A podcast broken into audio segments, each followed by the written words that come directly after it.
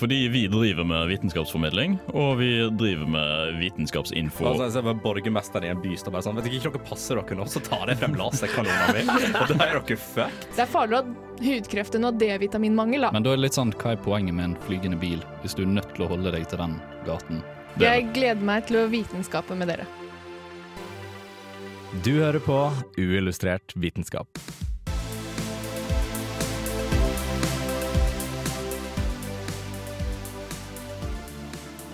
Dagens sending av Uillustrert vitenskap skal vi snakke om gaming. Hvorfor assosierer vi gaming med tenåringsgutter? Hva gjør egentlig gaming med hjernen vår? Og kan man game selv om man er blind? Eller vil du kanskje bare overbevise din mor om at gaming faktisk er sosialt? Dette er Uillustrert vitenskap. Hallo, hallo, hallo, og velkommen til denne ukens sending av Uillustrert vitenskap. Mitt navn er Andreas, og med meg i studio i dag så har jeg Katrine. Hallo, hallo. Jeg har Martine. Hei! Og vi har med en gjest i dag fra Nerdeprat, og som er vår eminente tekniker i dag. Bård, Hei. velkommen. Takk. Eh, da tenker jeg egentlig bare å spørre litt ut i rommet før vi, før vi setter i gang. Åssen er gamingkunnskapene deres? Ekstremt liten. Ekstremt lite? Ja, så jeg er her for å lære Ja. i dag, føler jeg. OK. Du har, ja, du har, ikke, har du hatt noe sånn dataspill sånn i oppveksten, eller har det vært Jeg har hatt Nintendo DS, eh, som jeg ikke lenger finner laderen til. eh, og så har jeg spilt eh, Jeg har spilt litt PlayStation, da. Det har jeg. Ja. Men mest sånn Singstar. Så det Ja, men Sings det er en like god form for gaming det som alt annet. Ja. Mm. Katrine, hva med deg?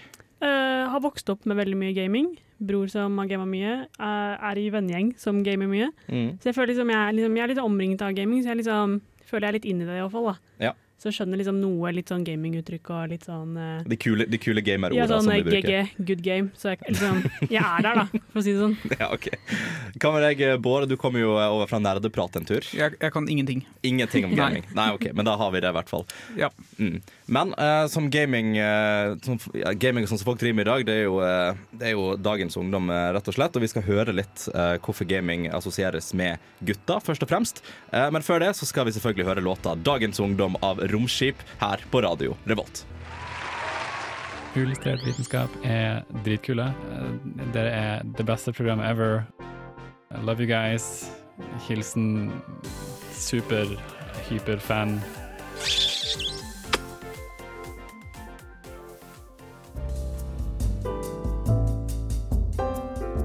Hvorfor assosieres gaming med gutter? Svaret kan vi kanskje finne ved å se hvordan spillindustrien har utviklet seg. Da vi først begynte å game, så spilte vi spill som Pong og Pac-Man, og disse spillene ble spilt av alle. Etter hvert måtte til og med Pac-Man utvikle egne jentekarakterer, rett og slett fordi det var så mange jenter som spilte det. Men når spillene begynte å gå litt ut av motbildet, måtte Nintendo tenke nytt, og de begynte å selge spill i lekeavdelingen. Lekebutikkene mot slutten av 80-tallet hadde en policy som gjorde at alle leker skulle selges som enten jenteleker eller gutteleker. Nintendo måtte dermed velge en av de, og valgte å selge sine produkter som gutteleker. Siden den gang har spill blitt markedsført som gutteleker, med guttefarger og lettkledde damer og skyting og ja, du vet, sånne gutteting. Men er det bare gutter som gamer? Statistikken på verdensbasis viser at det er nokså jevnt. Mellom 10 og 20 år er det 12% av guttene som gamer, mens det er 10% av jentene som gamer. Mellom 21 og 35 år er det 20% av guttene som gamer, og 15% av jentene. Så hvorfor anses gaming fremdeles som en gutteting? Eller gjør det egentlig det?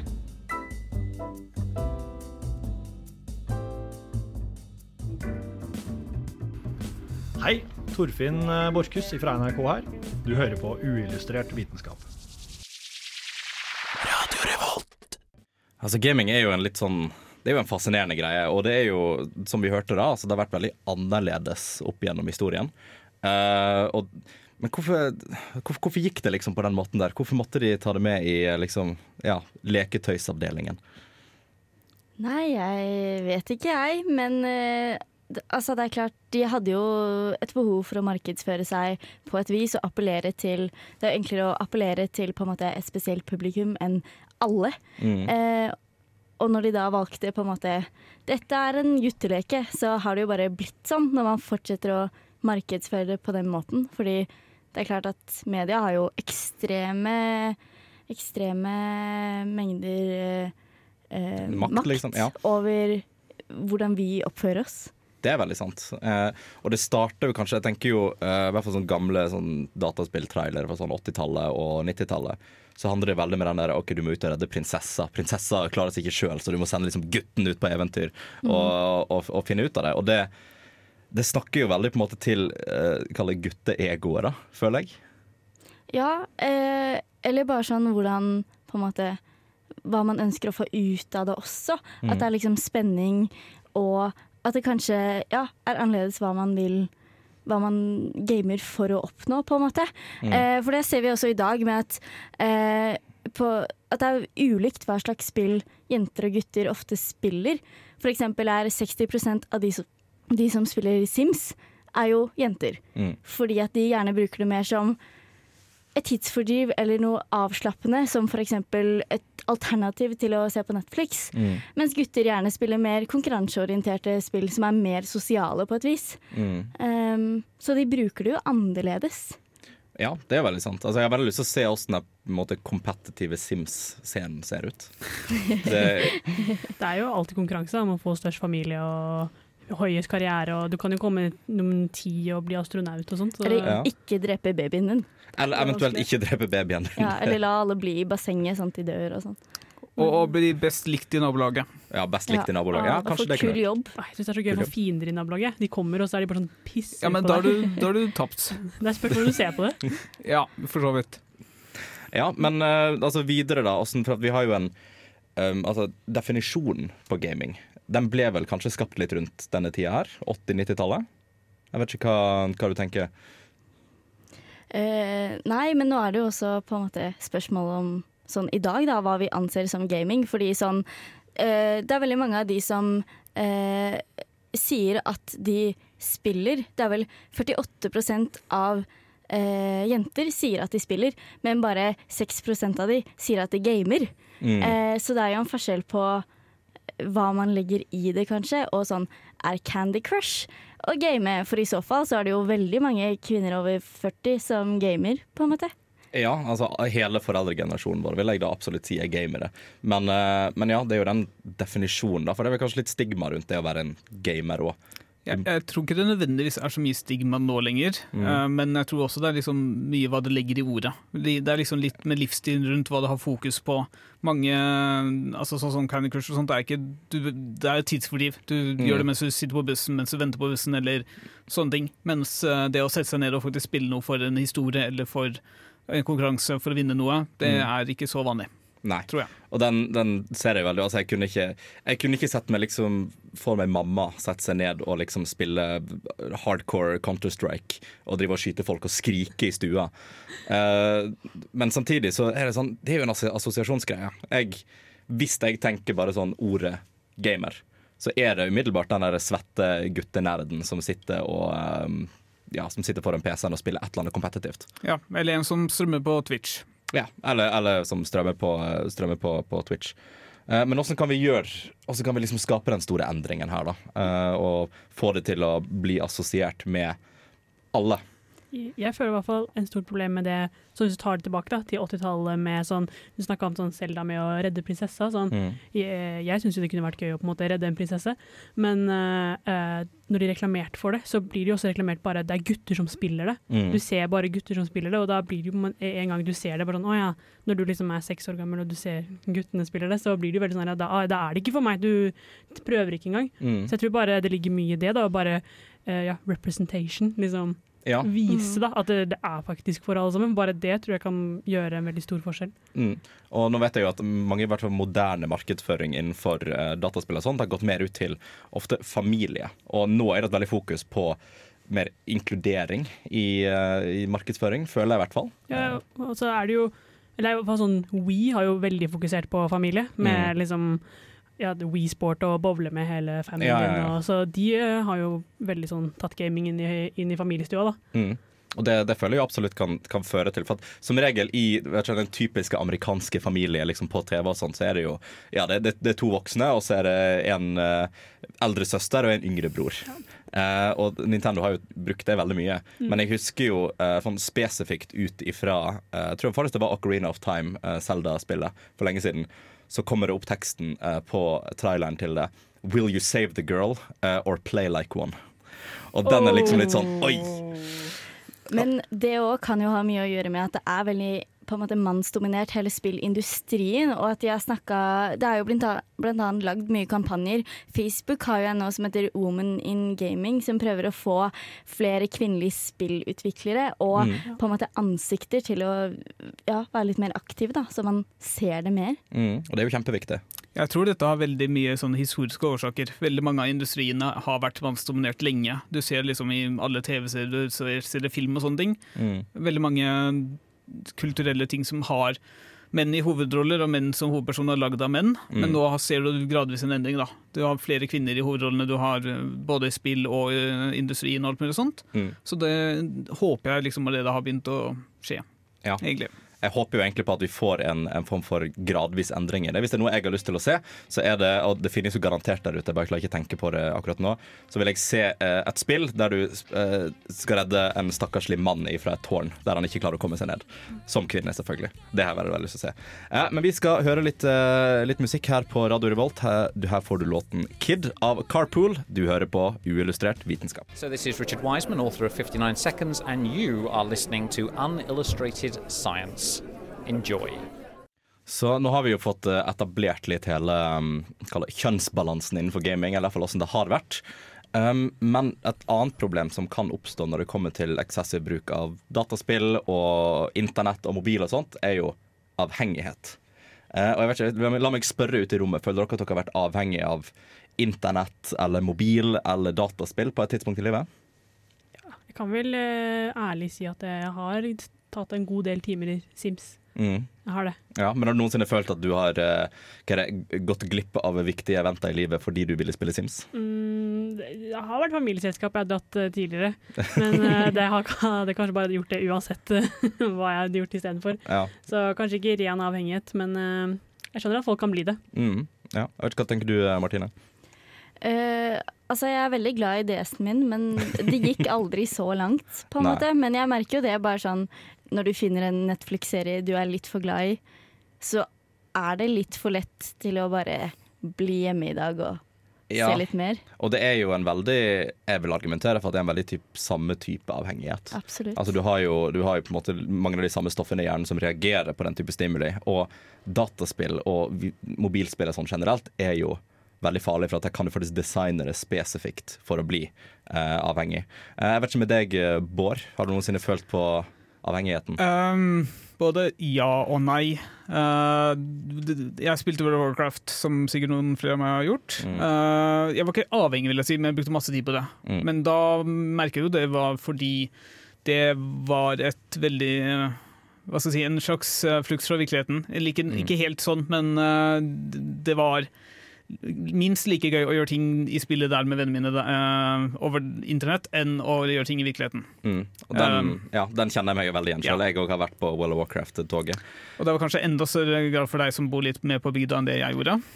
Ja, og det ble jo ofte en sånn distriktsgreie, da, for at altså, det var ikke så mye annet å gjøre, og vi hadde en PC, så hvorfor ikke?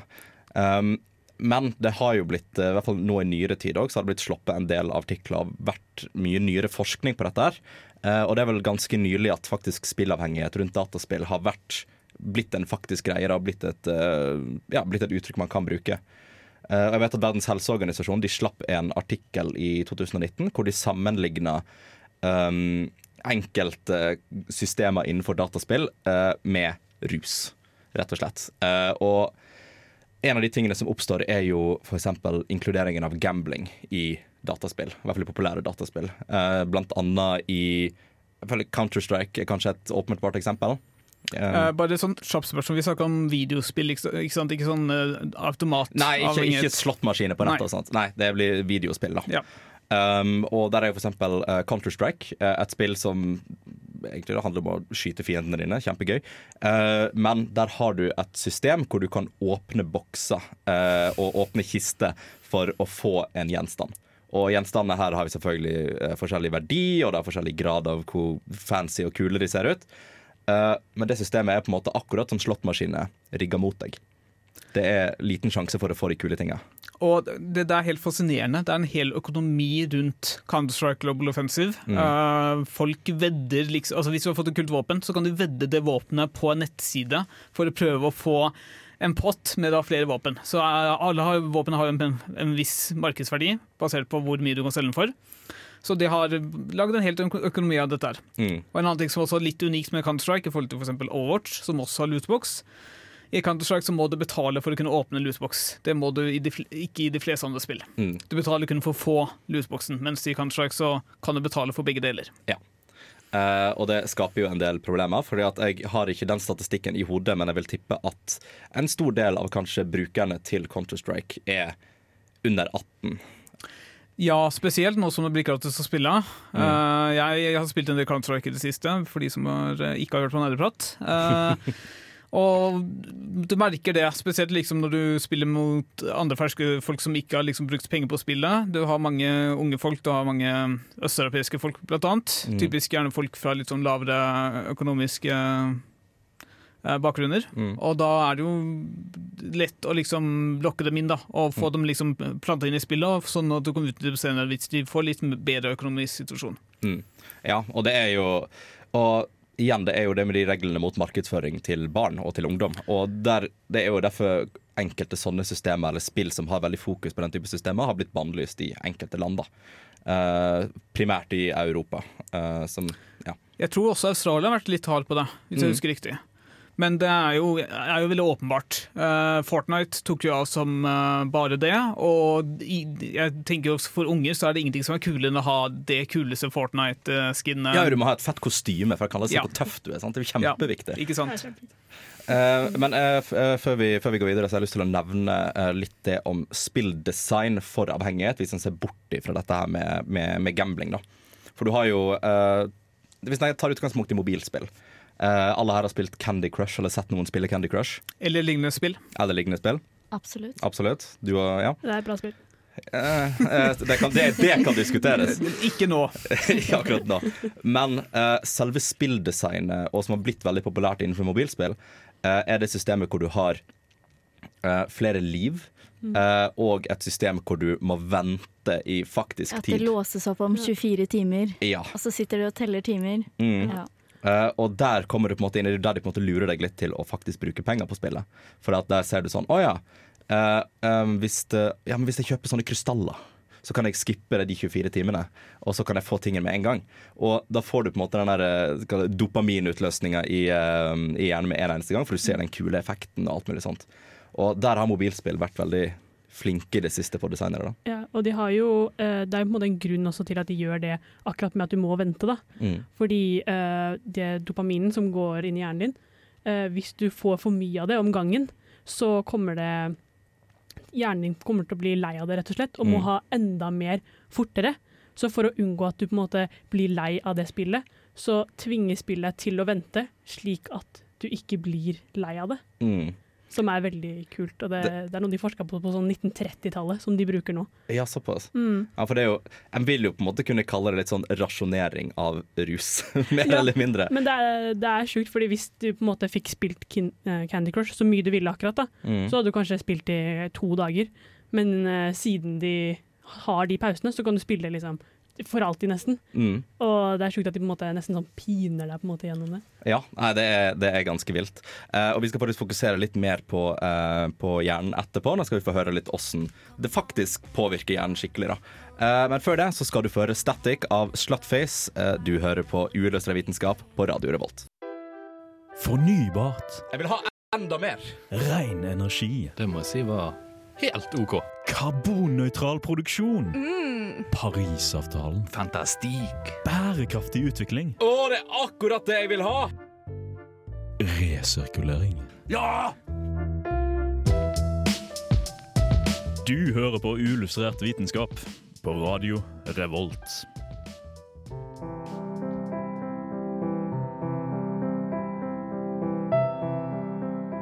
Kjære dagbok.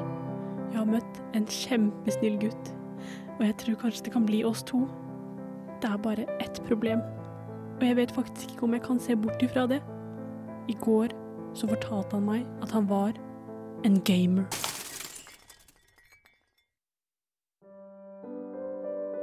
Hva skal jeg gjøre? Kan jeg virkelig være sammen med en som har større sjanse for å bli deprimert og fare for angst? Og er det egentlig noe positivt man kan få ut av å sitte og skyte rundt på hverandre? Hvor mye tid kommer han til å bruke på dette? Tid som han kunne brukt med meg? Kanskje gått greit hvis han spilte koselige, jentete spill som Star Stable eller Sims.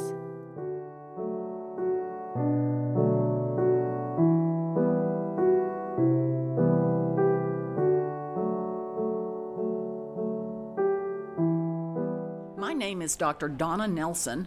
I'm a professor of chemistry at the University of Oklahoma, and you're listening to Unillustrated Science. Ja, nei, altså Livet blir jo ofte vanskelig når man plutselig oppdager at sin kjære er en gamer. Det er Ja, nei, vi, vi har alle vært der. Vi har alle vært der. Men uh, ja, hva vil det egentlig si uh, å være en gamer? Definisjonen tror jeg faktisk er hvis du spiller mer enn syv timer i uka. Er det faktisk det som går inn for gamer-definisjonen? Ja, eller jeg, jeg, jeg har hørt det i hvert fall. Er Det er sikkert Noe om hva du eh, spiller? Nei, ja, ja, Hvis du spiller Candy Crush liksom, syv Ja. timer i uka, så er du gamer. Hva hvis jeg spiller ludo? Veldig mye. Jeg er uenig i definisjonen, men jeg er ikke vitenskapelig Ja, jeg vet ikke om dere har diskutert det før, kanskje, på Nerdeprat? Eh, ikke, Jeg har i hvert fall ikke diskutert det på lufta. Det er Mm. mulig det de har diskutert det tidligere. Ja. Mm. Nei, men eh, eh, Ja, det er det som, akkurat det, det som er vanskelig, da. Fordi nå skal vi diskutere uh, hvordan gaming kan uh, påvirke oppførselen din. Mm. Og da er det jo viktig å starte med liksom, at det er et veldig stort spørsmål. Fordi ja, hvordan definerer man gaming? Og ja, det er nesten som å si sånn Hvordan påvirker mat kroppen din? Mm. Det, er jo, det er jo helt annerledes å spise tre gulrøtter enn å spise tre sjokoladeplater. Det påvirker kroppen din helt forskjellig. Eh, men eh, vi kan starte med å se på undersøkelser som er gjort innen actionspill. da. Siden det er jo det vi også har snakket mest om her i dag. Mm. Sånn eh, CS og Overwatch og sånt. Som det er gjort forskning på. Og da har jo folk blitt litt enige om at eh, man kan få bedre reaksjonsevne, bedre evne til å, å eh, skjønne omgivelsene sine med sansene. Og også noe som heter top down attention, som betyr muligheten at du klarer å konsentrere deg om én ting, samtidig som du ignorerer forstyrrelser. Ja, riktig. Ja, altså Mhm. litt sånn kontrollert tunnelsyn. Ja, på en Ja. måte. på en måte. Uh, det eneste problemet med det her er at det, det gjør, har gjort undersøkelser hvor det er en som ikke gamer så mye, som uh, gjør det dårlig på sånne type tester, uh, og en som gamer mye, som gjør det veldig bra på sånne type tester. Men det som er vanskelig å bevise, er jo da er gameren naturlig flink i de tingene, og derfor gamer fordi da blir flink i gaming, eller er, har han fått, eller hun, disse egenskapene fordi hun han har gamet. Mm, jeg føler at det tar, det tar på en måte litt tilbake til det der uh, oh, Jeg husker ikke helt uh, det var, men du har den der, uh, en gullfisk, en ape og en elefant eh, som står ved siden av et tre, og så er konkurransen å komme seg opp i det treet. Ja. Eh, og der har du jo Apen kommet seg opp for at han er naturlig bygd for det, Mm. mens de andre er det litt vanskelig for. Eh, er det litt sånn det samme, eller, eller ble det helt på jordet? Ja, ja, ja, men det er jo sant, da. Det, det, det blir jo egentlig det samme. Det, fordi det har jo også gjort undersøkelser hvor man har prøvd eh, før og etter, da, og målt eh, tester, og så har de fått gamet, og så sjekker man etterpå. Og da er det ofte at det, ikke er noe forskjell Mm. etter man har gamet. Men selvfølgelig, man, det kan jo hende at det tar flere år før man ser noe forskjell, og at det ikke har gått langt nok tid med gaming. Mm. Eh, I min uvitenskapelige mening så tror jeg det også Jeg tror definitivt det har noe med det at eh, de som er naturlig anlagt for å være flink på det, naturlig trekker seg mot gaming fordi du blir uh, belønnet for å ha de egenskapene allerede. Ikke sant? Ikke du blir belønnet for å ha god reaksjonsevne, du blir belønnet for å ha god muskelminne og sånne ting. Mm. Så det er ikke rart det, om det er til, liksom, tilfellet. Men det er jo også noe man kan bygge seg opp over tid. da. Ja, det er det jeg også vil tro. Og man har også funnet ut at det i hvert fall ikke er negativt for disse egenskapene. Mm. Det er ikke sånn at man blir for dårlig reaksjonsevne eller en av de tingene. Ja, for det var jo en, har jo vært en stor stor diskusjon over lengre tid. Og jeg vet i hvert fall at vår, eh, vår gode venn Trump uttalte seg jo òg om dette her. Ah.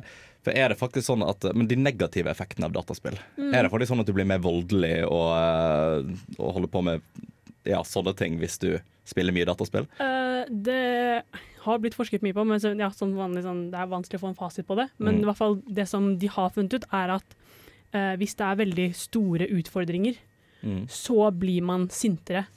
Og da ofte med actionspill som er mer avanserte. Det er mye mer som skjer. Man skal skyte og man skal ha skjold og alt sammen. Mm. Så blir man sintere hvis man ikke klarer det. Men sånn som med da Candy Crush, hvor det, utfordringene er ikke like vanskelige, og derfor blir man ikke like sintere. Så det er ikke nødvendigvis at fordi man skyter, at man blir på en måte kan bli øh, mer sint, da. Ja. Uh, så fordi de prøvde å gjøre en undersøkelse hvor da folk som spilte et, Jeg mener det var CS, hvert fall et actionspill. Mm. De ble sintere enn folk som spilte Candy Crush, men når de tok Nei, det var Tetris. Og når de tok Tetris til å gjøre at det var kjempevanskelig Jeg tror de fjerna den der, denne rette, den Å rette nei, og det er kjempedårlig gjort. ja, jeg tror de bare gjorde det sånn sykt vanskelig. Da ble de som spilte Tetris like på en måte aggressive som de som spilte et actionspill. Riktig. Veldig forståelig. Mm. Ja, altså det, det handler ikke så mye om hvilket spill du spiller, men heller eh, egentlig hvor predisponert du er for å bli frustrert. Mm, Ja. Egentlig. I hvert fall eh, det, det som er funnet ut av så langt. Mm. Og, Så hvis du er god og ikke blir frustrert, så blir du ikke så aggressiv? Ja, egentlig. Det er, jeg tror også jeg ligger litt i personligheten din. Ok. Mm. Ja, men det, det gir jo for så vidt veldig, veldig mening. Altså, Mm. jeg, jeg vet ikke hvor liksom predisponert jeg er for å bli fryktelig irritert, men det er enkelte spill som gjør meg fly forbanna av og til. Ja. Uh, men igjen, der er jo, kan det jo òg ligge litt i f.eks. spilldesignet, Mm. uh, vil jeg tippe. da altså at For hjernen uh, responderer jo veldig mye på altså bare ren stimuli. Og hvilken versjon av den stimulien du får, det varierer jo fra spill til spill og produkt til produkt. For eksempel det at det kommer opp sånn her eh, Hvis du dør i spillet, sånn sånn du er kjempedårlig, du suger, game over, fuck off. Mm. Eh, da blir man som regel litt mer frustrert enn hvis det står sånn OK, nei, men, ja, det går fint, prøv igjen. Du har et hjerte til. Mm. Uh, vet du om de har forska noe på om f.eks. lagbaserte spill hjelper i samarbeid, eller om uh, liksom, uh, puzzlespill hjelper deg i problemløsning? Eh, ja, de har ikke Jeg har fant veldig lite forskning om puzzlespill, faktisk. Okay. Men akkurat sånn sosialt har det blitt et veldig stor undersøkelse på her, på NTNU, Mm. som er veldig interessant, syns jeg. Uh, hvor de uh, forsket på barn fra seks til tolv Nei, de starta når de var seks år, og så uh, forska de på det i seks år, til Mm. de ble tolv.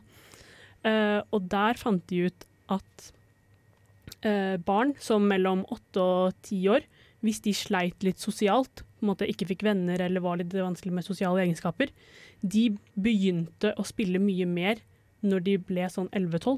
Okay. Og det var helt uavhengig av hvor mye de spilte som 8-10-åringer. Og det de også fant ut, var at eh, jenter som gamet mye når de var åtte-ti år, de sleit mer sosialt. Riktig. Men det gjorde ikke gutter. Er det, kan det ha noe med at det liksom mer en kulturell aksept for at gutter spiller dataspill? Det de i hvert fall kom fram til, eh, de som forsker forsket på det, var nettopp at gutter spiller mer sånn sosiale med at de snakker med andre, og Mm. det har vel en, et ordentlig navn. Eh, du vet kanskje det? Eh, nei, altså bare litt lagbasert spill, at du Ja. samarbeider. Multiplayer. M multiplayer er kanskje et godt ord for det. Ja. Ja. Uh, mens jenter spiller jo mer, mer kanskje Sims og mer sånn uh, hvor du ikke er med andre. Så de kom fram til at nettopp fordi gutter er, spiller mer sosialt, så går det ikke så utover det sosiale egenskapene deres. Mm. Eh, og det har vel òg i hvert fall enkel forskning som jeg vet støtter opp imot at eh, språkferdigheter kan bli utvikla veldig, veldig mye av å spille dataspill. Mm. Siden altså Standardspråket for dataspill i hvert fall i vestlig verden er jo engelsk. Nettopp. Man kan lære seg engelsk veldig fint. eh, det kan hjelpe til på skolen. Eh, men jeg vet òg at eh, Det er ikke så mye forskning på det, men det som dere nevnte litt i stad, det med eh, puzzles og sånne ting, og det å løse oppgaver og sånt, kan bidra til at du får utvikla den mer kognitive delen av hjernen. Mm. Uh, og i tillegg òg så har du vel uh, det med uh, moral og etikk, eksempel. Der du blir stilt et moralsk spørsmål eh, i et dataspill, gjør at hvis du havner i en situasjon eh, en lignende situasjon senere, så er du kanskje mer ja, laga for å kunne håndtere den situasjonen. Men vi skal komme inn litt mer på, eh, på spilldesign og hvordan det er for f.eks. handikappede eller folk med funksjonsnedsettelser. Før det så skal du føre The Norwegian Crowbar Case av Alien Cargo her på Radio Revolt. Vitenskap er kjempegøy, og derfor er også uillustrert vitenskap kjempegøy. Det er kalas, for å si det sånn. Her på Radio Revolt.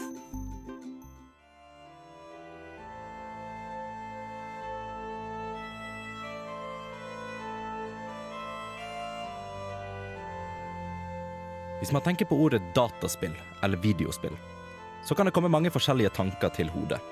Det kan være skytespill, plattformere, eller kanskje spill der målet er å løse gåter og utforske verden. For de fleste så gir det ofte en fri flyt for tankegangen. Og man kan mimre om sine favorittspill og, og kose seg. Men for noen så kan det heller minne om ei umulig oppgave som de ikke kunne få til. Og åssen det skapte demotivasjon og følelsen av å ikke kunne holde tritt med de andre. Jeg snakker nå om spilldesign for handikappede.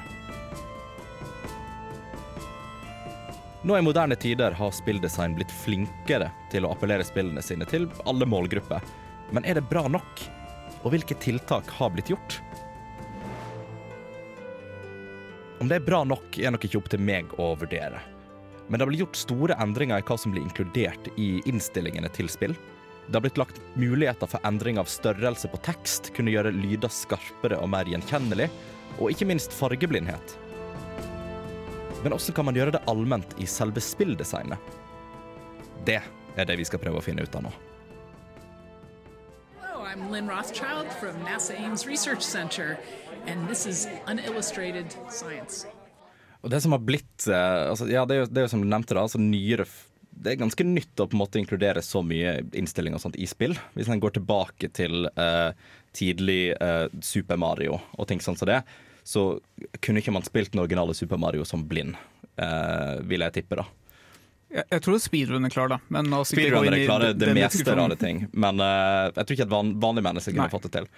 Eh, men da tenker jeg å stille et spørsmål ut i, ut i studio her. Er det viktig å åpne opp spilleopplevelsen for folk hvis det, det krever mer arbeid? Ja. Ja. Hva tenker dere andre? Altså, hadde jeg vært blind, så ville jeg også spilt Eller ville spilt Super Mario. Mm. Ja. Ja, jeg tror også folk som ikke bare nødvendigvis er på en måte født med den eh, eh, Ja, om de ikke bare er født blind, men kanskje har blitt det, Mm. og har gamet mye, da, så er det litt trist at da må de gi slipp på den eh, hobbyen der. Ja, det er veldig sant. Og det er jo det som er eh, viktig, å kunne fokusere på at alle kan få, om ikke samme spillopplevelse, men for å kunne være inkludert i den spillopplevelsen. Uh, og det starta jo veldig tidlig, eller starta ganske tidlig, i hvert fall enkelte ting. Uh, for eksempel eh, Jeg har ikke et eksempel på et spill, da, men jeg vet at de pleide å ta i bruk sånn rød-grønn fargeblindhet, eksempel. Det kunne endre fargene på skjermen. Det er i hvert fall veldig vanlig for skytespill, da, for da må du se veldig forskjell på farger og kontraster og sånt. Som nå er på en måte blitt jeg vil si en ganske vanlig ting å ha med i spill. Jeg, jeg sjekker aldri, fordi det liksom påvirker ikke meg, men jeg tror det er blitt liksom mer og mer vanlig. Mm. Jeg håper, håper i hvert fall på Ja. det. Um, og da kommer jo på en måte altså jeg, jeg, jeg har lyst til å egentlig bare starte dette litt med et, uh, en quote fra uh, en som heter Reggie, ifra, som jobber for Nintendo markedsføring. Mm. Uh, og han sier bare sånn If it's not fun, why bother? Eh, og Det var fint. Ja, og der har man på en måte den OK, hvis du har da en funksjon i spillet, eller at spillet gjør at du ikke kan spille det, så hva er vitsen? Det er ikke noe poeng i å gjøre det, da. Uh, så, men jeg har funnet et litt sånn eksempler på ting som har skjedd i nyere spill, uh, for spesifikke former for funksjonsnedsettinger. Uh, og da tenkte jeg å begynne først og fremst for blinde eller folk med nedsatt syn. Åssen tror dere spill, moderne spill har liksom lagt inn slik at de kan være med like mye? Det er jo, det er jo mye lyder, da. Mm. Sånne lydeffekter som forklarer sånn Å, nå hører du at du hopper, eller nå hører du at du traff noe, eller game over. Mm. Uh, og det er jo ofte Ja, det er jo de andre sansene man må ta i bruk. Mm. Veldig, veldig sant. Også sånn, Hvis man holder kontroller, da, så er det jo følelsen Ja, hvis man krasjer, så kanskje dirrer Mm. kontrolleren. Ja, det vet jeg jo allerede tilbake i uh, Jeg tror faktisk det er Ocarina of Time igjen, så hadde du en eh, mulighet der for at um, det dirrer i kontroll hvis du var i nærheten av noe hemmelig. Men det koster ekstra penger. Men det koster ekstra penger. Eh, nå er det forhåpentligvis gratis. eh, og Ja, eller du måtte kjøpe en Rumble Pack som du Pack satte inn i kontrolleren. Mens i nyere kontroller så har du det innbygd. Ja, riktig, riktig. Eh, men det er jo også du, eh, du sier, Martine, med bra lyddesign. Det å kunne navigere seg gjennom en spillverden bare ved hjelp av lyd er jo superviktig. Um, og så er det òg muligheten for uh, enkle kontrollere. Altså det at, det at det er lett å venne seg til en spillkontroller, det er superviktig. For ellers så Mm. er det ja, vanskelig å kunne spille uansett. Uh, men hvis en går over til det for uh, folk med nedsatt hørsel, døve, Hvordan kan et spill bli like behagelig for noen som er døv? Teksting. Mm. Teksting, superviktig. Har dere noen andre, noen andre tanker på det? Bare gra bra grafikk. Mm. Ja. Um, ja, eh, bra grafikk er veldig veldig viktig, for da må du jo bruke på samme måte som eh, blinde må bruke lyd, så må da døve bruke visuelle effekter. Uh, og da kommer jo um, eh, kommer det veldig opp det at kan spillet nytes både med og uten lyd? Altså trenger du faktisk lyd for å gjennomføre spillet? Uh, og dessverre på noen spill så trenger man det, for at det er f.eks. Uh, en har fått på lyd som indikerer at du skal skyte der og der. Um, Altfor mange, egentlig. Når jeg tenker etter. Det er mange som har sånn Mm. lyder som indikerer et eller annet. Ja, uh, og der har det vært en, uh, vet jeg, det har vært en form for endring. Eller i hvert fall en ting som du kan gjøre i noen spill. Det er at I stedet for at du får den lyden, så får du heller et eller annet ikon som popper opp. Eller som viser på en måte går den retningen, eller skyter den retningen. Uh, og det syns jeg er eh, veldig veldig viktig. da. Eh, og så er det ja, det med generell visuell tilbakemelding. Det at du eh, ikke bare hører liksom en lyd bare sånn Yeah, super, flink, eh, ikke, fireworks, alt mulig ville greier. At det ikke er det som gir deg positiv tilbakemelding, men at du faktisk kommer opp på skjermen. Vet du hva? Dette her fikk du til. Bra jobba. Og eksempel eh, at du ikke må høre hvor skuddene kommer fra, men at du kan se det på skjermen, at du blir skadet fra høyre eller venstre side, f.eks. Ja. Hjelper jo en del. Det hjelper veldig veldig mye. Uh, og så tenker jeg eh, å og dekke det med nedsatt motorikk. Det at man f.eks. Uh, sliter med å bevege hendene, at man ikke har like, mye, eh, like kjappe reaksjonsevner og sånt. Det gjør jo plattformspill og skytespill ofte veldig veldig vanskelig. Men hva kan vi gjøre for å hjelpe de med nedsatt motorikk? Det var litt vanskelig, egentlig. I hvert fall hvis du skal tenke på om de skal spille online med andre som ikke har det Mm. problemet.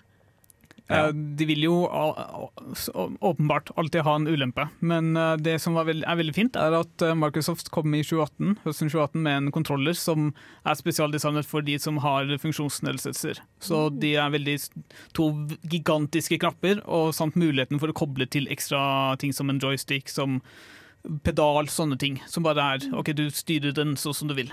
Mm. Og det er, jo, det er jo supert at vi på en måte kan innovere på den måten der. da At Ja. det er den retningen det er på vei til å gå nå.